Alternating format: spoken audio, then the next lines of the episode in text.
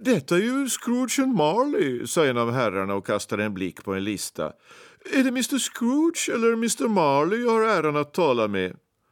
Mr Marley har varit död i sju år, svarade Scrooge. Idag är det jämnt sju år sedan. Vi hyser inte den minsta tvivel om att hans efterlevande kompanjon har samma inställning när det gäller att vara frikostig, sade herrn och visade fram en fullmakt. Det hade han säkert rätt i, ty Scrooge och Marley hade varit besläktade själar. Vid det olycksbådande ordet frikostig rynkade Scrooge pannan, skakade på huvudet och lämnade tillbaka pappret. Vid denna högtidliga tid på året, Mr Scrooge, sade herrn och tog fram en penna, är det mer än vanligt önskvärt att man ägnar en tanke åt de fattiga och nödlidande som har det svårt i dessa dagar. Tusentals personer saknar det nödvändigaste och hundratusentals vet inte av de enklaste bekvämligheter, sir. Finns det då inga fängelser? frågade Scrooge. Jo, det finns gott om fängelser, sa herrn och lade ifrån sig pennan.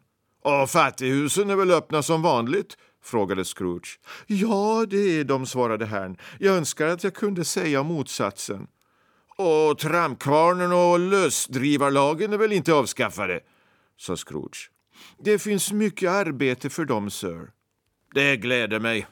Jag blev nästan rädd av vad ni först sa, att något hade inträffat som hindrade dem att fungera men som jag och flera med mig har tyckt oss finna att det knappt kan skänka kristlig tröst för kropp och själ åt folk i allmänhet har vi slutit oss samman för att inköpa lite mat och dryck och bränsle åt de fattiga. Vi har valt den här tiden på året därför att fattigdomen då känns mer tryckande än vanligt och rikedomen överflödar. Hur mycket får jag anteckna er för?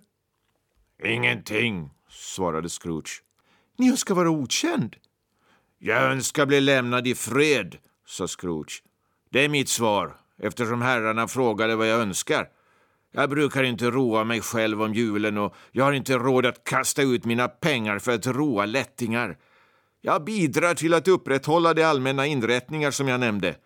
Det kostar mycket pengar och de som inte har några får vända sig dit.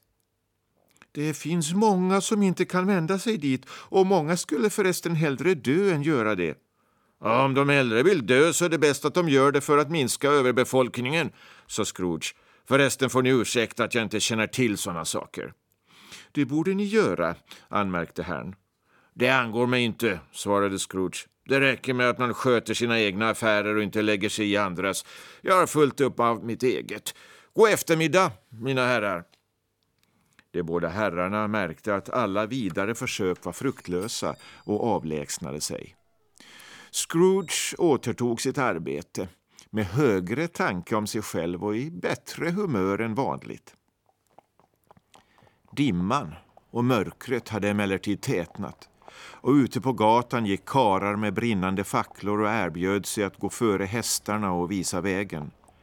Det gamla kyrktornet, vars barska gamla urtavla brukade snegla ner på Scrooge genom ett spetsbågefönster i muren, syntes inte längre utan klockan slog sina tim och kvartslag inne i molnen med dallrande efterklanger som om den hackade tänder i sitt frusna huvud uppe på muren.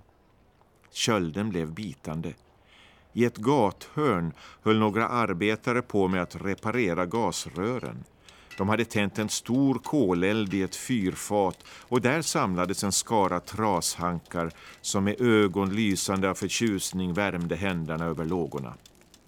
Vattnet hade trängt upp i sprickan i röret och frusit till en misantropisk isklump. I butiksfönstren krympte järnäggskvistar ihop i hettan från lamporna och bleka ansikten såg friska och röda ut när de skymtade förbi i ljuset. Vilthandlarnas och kryddkrämarnas bodar var förvandlade till riktiga sagoslott som var omöjliga att sätta i samband med sådana prosaiska saker som att köpa och sälja. Lord Mayorn i sitt ståtliga Mansion House gav befallning åt sina 50 kockar och tjänare att rusta till julen på ett sätt som anstod en Lord Mayors hushåll. och även den lille skräddaren som Lord Mayorn förra måndagen hade dömt till fem skillings böter för fylleri och oljud på allmän plats lagade i ordning morgondagens pudding uppe i sin vindskupa medan hans magra hustru med deras lilla barn vid handen gick ut för att köpa en stek. Ännu dimmigare, ännu kallare, en genomträngande skarp, bitande kyla.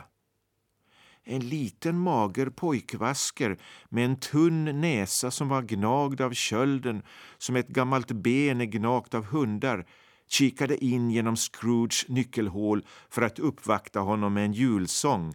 Men vid de första tonerna av God bless you merry gentlemen, may nothing you dismay grep Scrooge linjalen med sådan energi att sångaren flydde i full förskräckelse och överlät nyckelhålet åt dimman och kylan inifrån.